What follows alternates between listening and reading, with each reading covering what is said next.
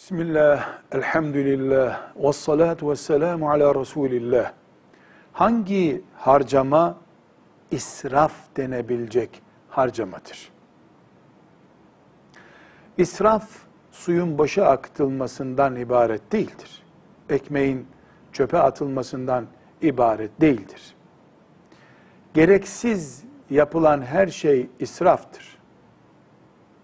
Bu israf, para israfı olur, su israfı olur, ekmek israfı olur, zaman israfı olur, insan israfı olur, mekan israfı olur. Gereksiz, yersiz yapılan her şey israftır. İsrafın boyutuna göre de mekruhluktan haramlığa kadar büyüyen bir günahtır. Şöyle bir kural uygulayabiliriz.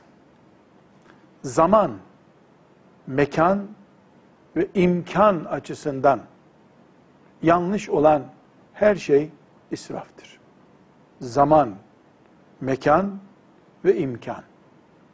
Zaman açısından ne demek? Bugün yapıyoruz bu harcamayı, vakit israfı, insan israfı, emek israfı, adı neyse yapıyoruz ama bugün gerekli değil.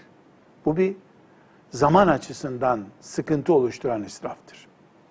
Mekan olarak burada yapılmaması gereken bir harcama yapıyoruz. Bu israftır. İmkan israfı nedir peki?